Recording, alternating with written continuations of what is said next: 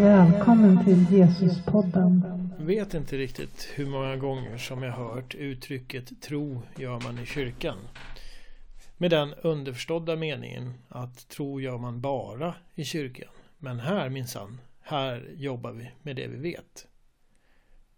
Trots att jag själv är egentligen helt för att ta reda på fakta så gott det går och mäta när det kan hjälpa så gillar jag inte det här uttrycket.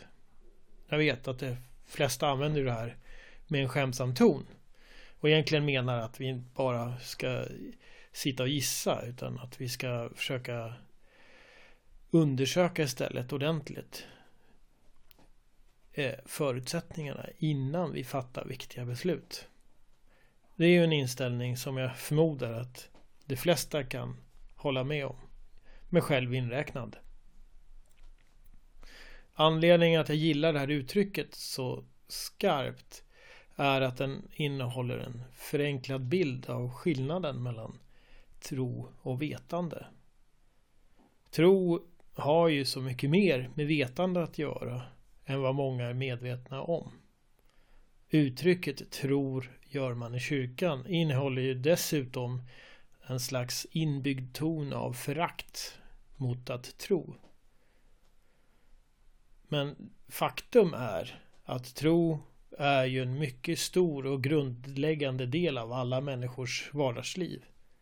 Nästan varenda beslut som vi fattar innehåller någon form av tro.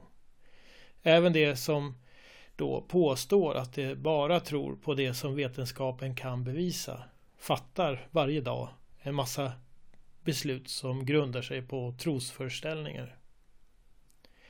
Det är ju mycket sällan som vi har alla fakta.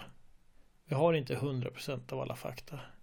Istället så får vi fatta beslut på en grund som består av ofullständig information. Om vi skulle vänta och in komplett information så kommer vi förmodligen aldrig till något beslut. Eller i alla fall ofta så är det redan för sent. Därför så får vi samla in rimligt med information och sedan fatta det beslut som vi tror är rätt baserat på den information vi har.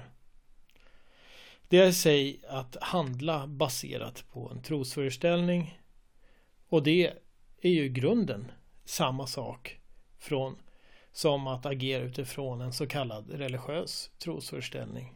Det är trosföreställning som trosföreställning. Nu reagerar kanske en del av er och tänker att jag bygger mina slutsatser på det som jag lärt mig från vetenskapen.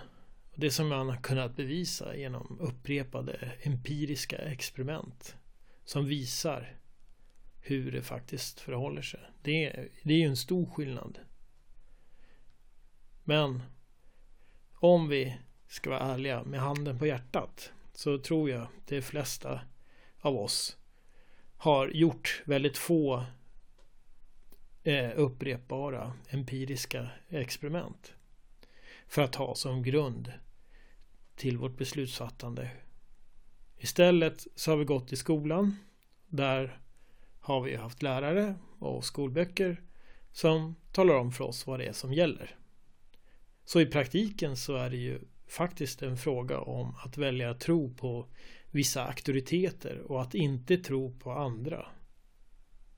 Det är ju en, ingen större skillnad med andra ord. Men då kanske du invänder och säger men det bygger ju i alla fall på experiment. Men då är det ju lätt att glömma bort att även inom vetenskapen finns mycket av tro. Lite förenklat kan man säga att vetenskapen jobbar med hypoteser. En hypotes är en idé.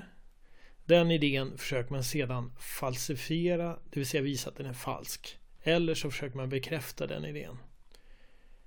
Med tiden så gör man för man olika experiment och då kan man skala bort de här idéerna som funkar dåligt och man behåller de idéerna som verkar stämma.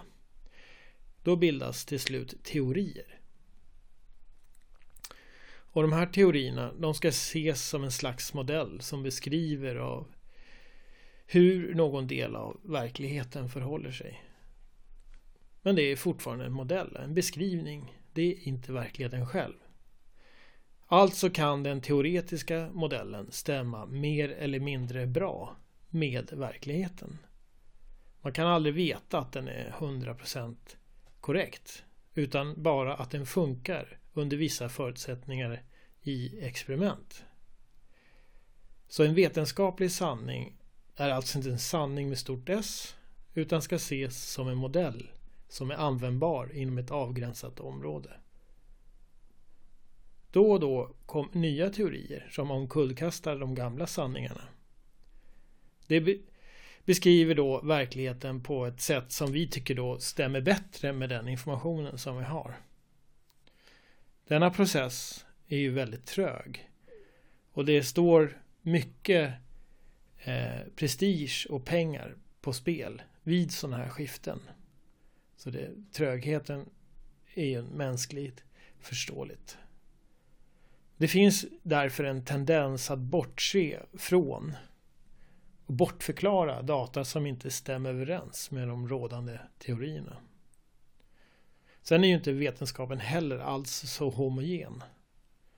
Det kan råda konkurrerande modeller samtidigt. Det finns olika grupper av forskare som tror på olika teorier. Olika studier kan peka åt olika håll. Det är kanske därför som rönen om, vad, om det är bra eller dåligt att äta ägg har växlats så många gånger över åren. Dessutom formuleras det även teorier som inte går att upprepa experiment alls. Som exempelvis Big Bang. Som försöker beskriva hur universum uppstår. Det är ju väldigt svårt att upprepa. Inom vetenskapen har man dessutom axiom. Det är en slags grundsatser som man inte bevisar men som man väljer att tro på. Med andra ord skulle jag vilja påstå att den enda skillnaden mellan att veta och att tro är graden av övertygelse. Allt vetande bygger på tro i någon form. När vi tycker att vi kan underbygga det vi tror på tillräckligt mycket så säger vi att vi vet. Men om vi inte har tillräckligt med underlag för det vi vet så kallar vi det för tro. Det finns en liten osäkerhet där och det är alltså en lägre grad av övertygelse. Ibland är vi inte överens om vad som det är. Vad som är att veta och vad som är att tro. Det kan vara, också vara så att jag har upplevt vissa saker tillräckligt mycket för att tycka att jag vet det. Men mina upplevelser övertygar ju inte dig. Så du tycker att jag tror. Sanningen kanske är att det som vi vet egentligen är det som vi tror att vi vet. Och det som vi tror är sådant som vi vet att vi tror. Vi vet att vi tror eller vi tror att vi vet. Olika grader av samma sak.